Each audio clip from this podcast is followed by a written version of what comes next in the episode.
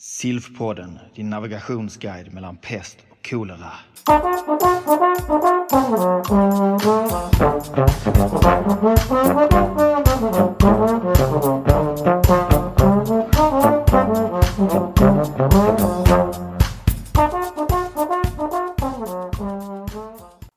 Då så är ni varmt välkomna till SILF-podden och eh, dagens datum är den 20 eh, oktober och vi befinner oss i Näsby och jag som pratar heter Johan Tam och med mig idag så har jag Patrik Gill Jonsson och Jonas Kronqvist. Vill ni berätta lite grann var ni jobbar någonstans? Ja, eh, Patrik här och jag jobbar på Danderyds sjukhus eh, infektionsklinik eh, som är en relativt ny infektionsklinik. Eh, egen klinik sedan sex år tillbaka.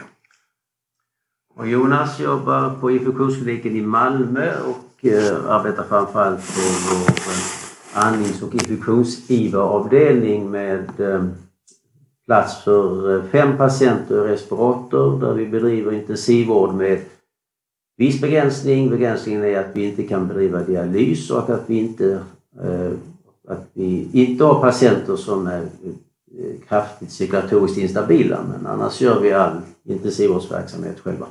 Ja, och idag så har ni pratat om initialt omhändertagande av eh, sepsispatienterna som kan vara rätt så svåra att identifiera på våra akutmottagningar. Och eh, rent historiskt, hur bra har vi varit på att hitta våra patienter, Patrik?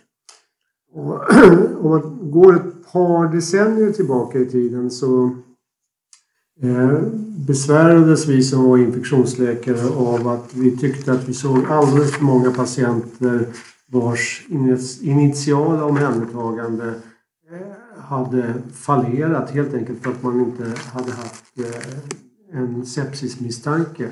Man slarvade med vitalparametrar och man reagerade inte på ganska stora avvikelser förrän patienten kraschade ordentligt. Och så hände det någonting i början på 2000-talet. Ja, det hände egentligen flera saker. Dels så var eh, vi bekymrade inom infektionsläkarkåren eh, och eh, Lars Ljungström som eh, arbetar i Skövde både då och nu eh, skapade den här som kallas för BAS 90 30 90 helt enkelt eh, för att folk skulle förstå att har man vitalparametrar som är så här avvikande som ett eh, blodtryck under 90, en andningsfrekvens över 30 eller en saturation under 90 så eh, var det viktigt att reagera och misstänka sepsis. Ja, eh, Patrik, då var det alltså i Skövde saker och ting hände i Sverige eh, till att börja med och eh, sen hände det saker internationellt också. Mm, just det, det var eh, år 2001 så kom den så kallade Rivers-studien eh, en läkare i Detroit som eh, på sitt sjukhus gjorde en studie eh, där man började med någonting som man kallade för eh, Early Goal Directed Treatment, tidig målstyrd behandling där man tittade efter, man hade olika fysiologiska mål som man ville uppnå med patienten. Och för att göra det så krävdes det, för, för, för att kunna mäta de här målen så krävdes att patienten fick en Eh, central venkateter eh, redan på akuten. Den här studien fick ett oerhört stort genomslag för att eh, man lyckades helt enkelt få en oerhörd mortalitetsförbättring i den här gruppen som fick den här behandlingen jämfört med kontrollgruppen. Mm, och det var ute i Detroit i fattiga områden där det var en hög mortalitet vill jag minnas. Ja, det var väldigt hög mortalitet. Jag minns att den låg på 46 procent eller något sånt där i kontrollgruppen. Sen när man har eftergranskat det här så var det till exempel eh, det var som sagt en, en socialt belastad eh, patientkohort och väldigt stor andel var eh, sirotiker bland de här också. Okay. Och det vet vi att de brukar ju gå dåligt för. Ja, just det. Och det. Men det ledde till att eh, plötsligt så blev intensivvårdsläkarna lite grann intresserade av sepsis för då fick de någonting att göra. Kan man säga så? Ja, men alltså det man kan säga tycker jag som är den stora skillnaden det var att den här Plötsligt blev det uppenbart att eh, skulle man nå de här målen så krävdes det tidig intensivvård. Vi har ju inga läkare på akuten i Sverige som kan sätta en central venkateter och mäta centralvenös saturation och sånt här som ingick i den här studien. Så att eh, för att nå då samma resultat så krävdes ju det då att eh, intensivvårdsläkarna kunde ta de här patienterna tidigt till IVA helt enkelt. Eh, och det ledde till att vi fick en helt annan mottaglighet skulle jag vilja säga hos intensivvården där man tidigare kunde ge rekommendationer mm. per telefon och att man väntade och såg vad som hände om man gav lite ytterligare vätska och sådär. Nu blev det lite mer på liksom att, mm. att de kom ner och tittade på akut. Jag kommer ihåg det, det var svårt att få patienter till intensivvården förr i tiden faktiskt. Det var det. Och sen kom det en stor eh, studie till och den är väl egentligen från Kanada ursprungligen eller jag vet inte, Kumar-studien. Ja, han är kanadensare men studien var nog både kanadensiska och eh, sjukhus från eh, USA. Just det, multinationella, ja. ja. Det är den här eh, stora studien där man då lyckades visa eh, att tiden till antibiotikabehandling var avgörande eh, för mortaliteten. Där man, eh, mortaliteten ökade eh, uppemot 8 procent eh, för varje timme man dröjde med att ge antibiotika till patienter med septisk chock. Ja, just det. Och det ledde till att intensivisterna, eller intensivisterna var tvungna att börja kontakta oss, eller hur? Jo, där blev det ju plötsligt antibiotika. Tidigare hade man ju då tittat på mycket på de här fysiologiska parametrarna och den typen helt enkelt av behandling där antibiotika förvisso ingick men det var ingen som pratade om när man skulle ge det och det diskuterades överhuvudtaget inte eh, så väldigt mycket. Inriktningen var mer på de här fysiologiska parametrarna och plötsligt nu så efter den här studien så blev det ju det är oerhört viktigt att komma in i tid till de eh, patienterna i septisk chock. Så att, eh, då blev vi eh, som infektionskonsulter också kontaktade på ett tidigare stadium kan man väl säga. Ja, och sen kom Surviving Sepsis Campaign och eh, Infektionsläkarföreningens eh, dokument om hur vi skulle behandla sepsis. Eh, och det har ju hunnit rinna lite broar under hinna, hunnit rinna lite vatten under broarna under tiden och en del av de här rekommendationerna som var från början har vi på något sätt avpoliterat kan man väl säga. Eh, och eh, om vi nu ska gå vidare lite grann till eh, vilka rekommendationer som finns och hur vi ska behandla våra patienter med sepsis om vi nu bortser från antibiotika till att börja med. Så Jonas, tänker jag lite grann på vätsketerapin. Ja, det finns ju med i både i River-studien och även i Sverige Sepsis Campaigns rekommendationer. Både de tidiga och de senare. Att man rekommenderar en vätskebolus eh, som, eh, där man har satt upp målet 30 ml per kilo kroppsvikt eh, med tidig start vid hypotension. Och det är en, en vätskebolus som även finns med i SILVs rekommendationer i vårdprogrammet.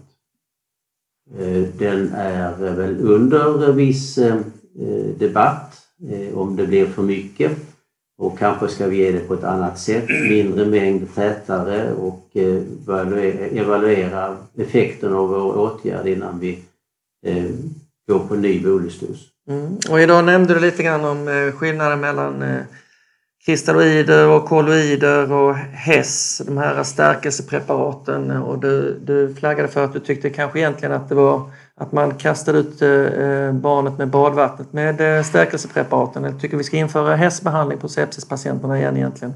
Ja, detta är verkligen att sticka ut hakan därför att eh, häst är idag bannlyst i alla sepsissammanhang worldwide.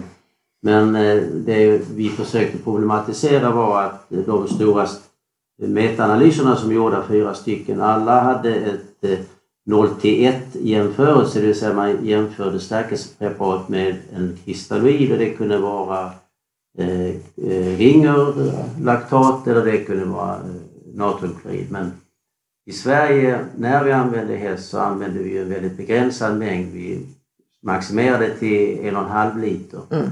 Och sen så gick vi över till kristalloider. Den studien är ju faktiskt aldrig gjord. Nej. Utan eh, man har antingen givit häst eller kristalloider och sen har man bestämt sig, eller alla metaanalyserna visar ju en ökad mortalitet i den gruppen som får stärkelsepreparat. Och den visar också ett ökat behov av, av eh, njur, njurstödjande behandling och det är det som har lett fram till det här man har sagt nej.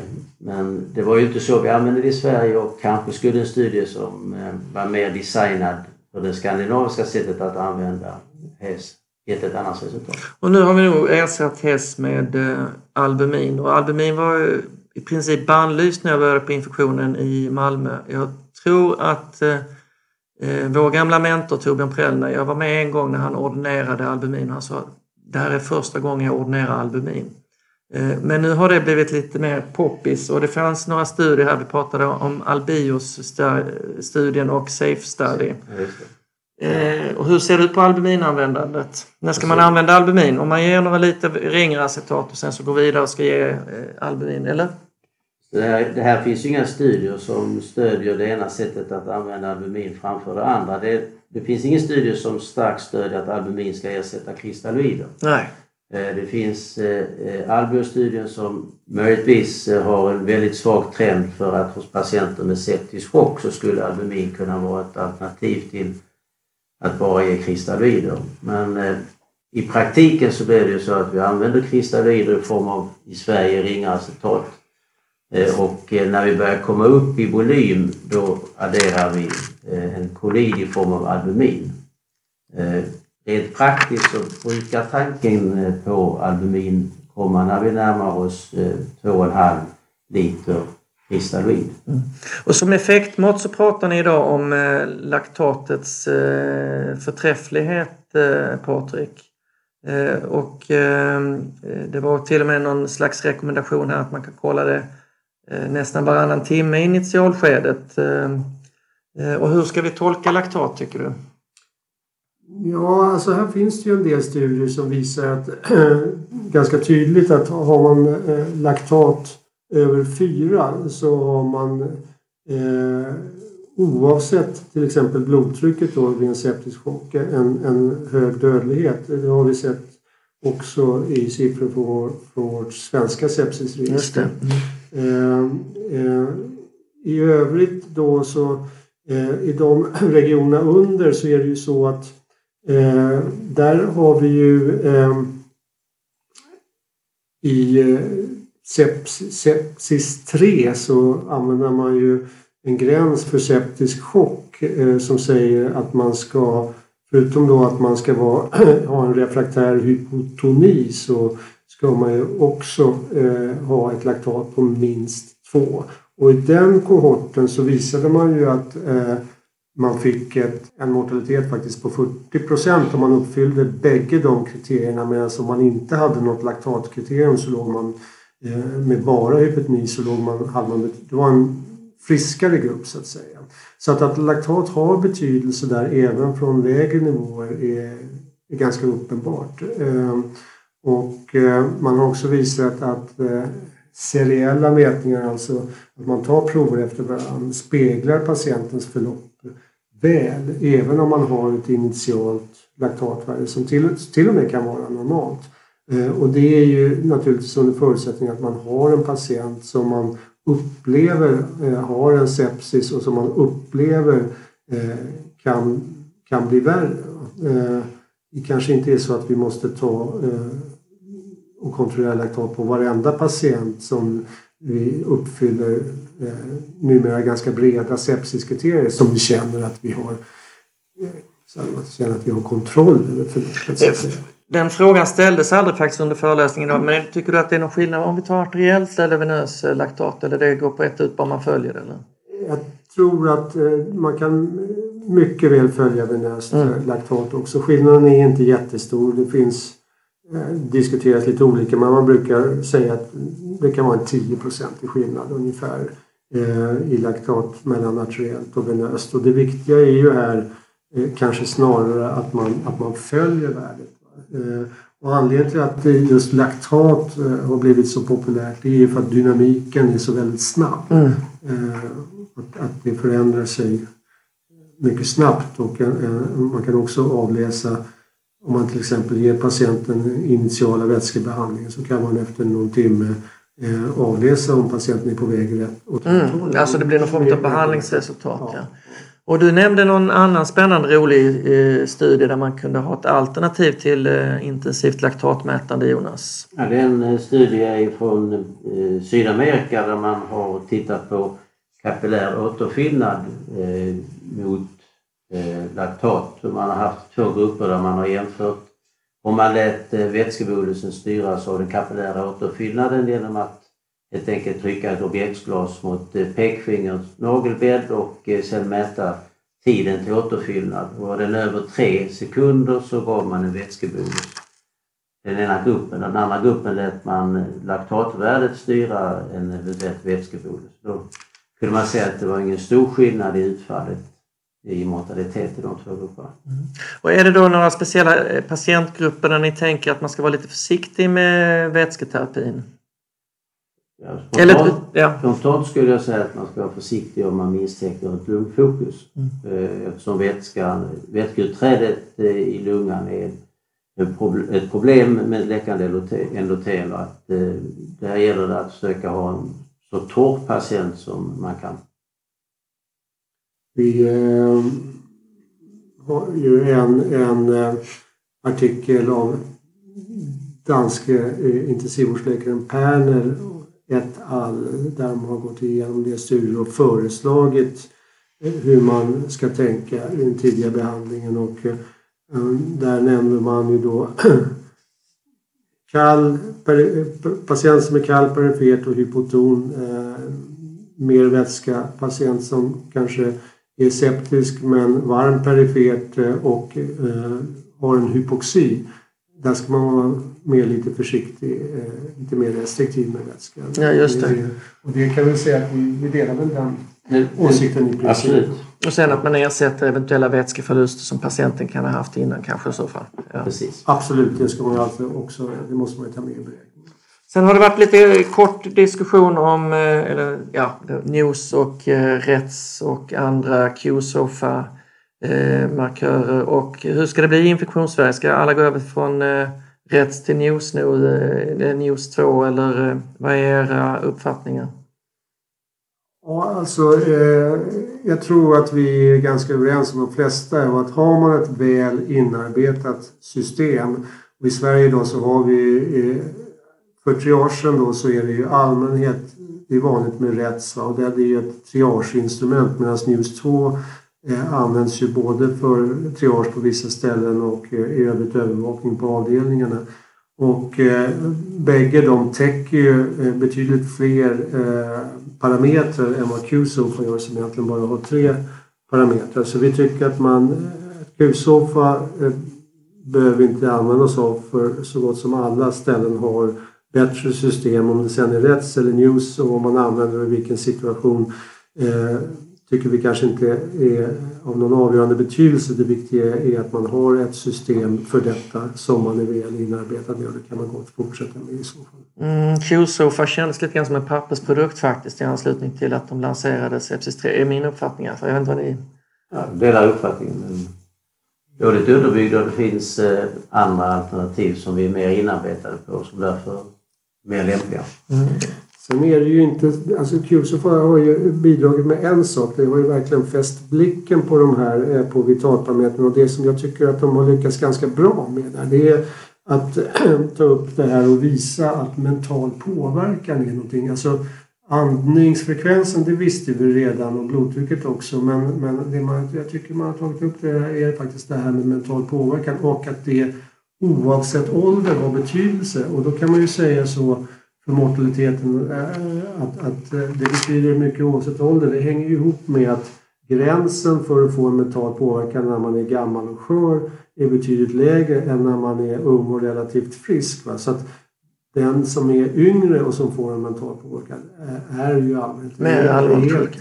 sjuk alltså mer allvarligt sjuk. Så på. Så det, och det, det, ledde ju faktiskt också till att man ändrade på eh, News 2 och eh, inkluderade eh, nytillkommen förvirring eh, fick ju tre poäng, högsta poängen, vilket man tidigare bara hade för ett sänkt medvetande, inte för nytillkommen förvirring. Så den har fått en rätt så stark plats ja, i News 2? Precis. Mm.